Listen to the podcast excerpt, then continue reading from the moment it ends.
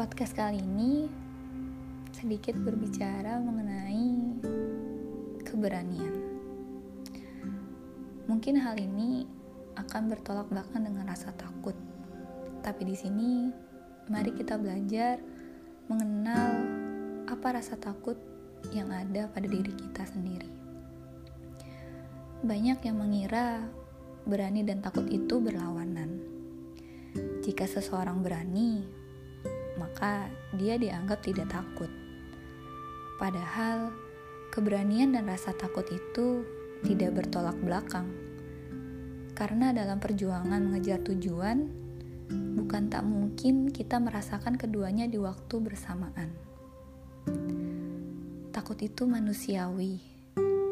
Rasa takut adalah bagian integral dalam hidup kita karena setiap orang pasti punya sesuatu yang dia takutkan. Mereka yang taat beragama akan berkata, seorang hamba hanya perlu takut pada Tuhannya.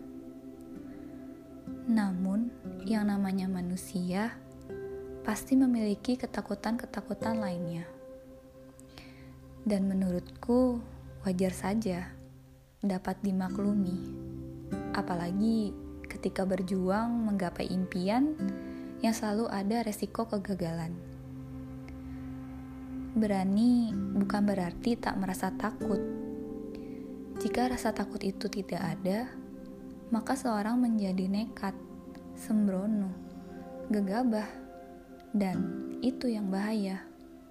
Karena rasa takut justru membuat kita berpikir sebelum bertindak berhati-hati sebelum melangkah.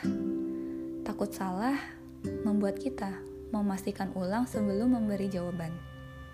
Takut ditolak mendorong kita untuk mencari tahu apakah kita punya harapan sebelum mengutarakan perasaan.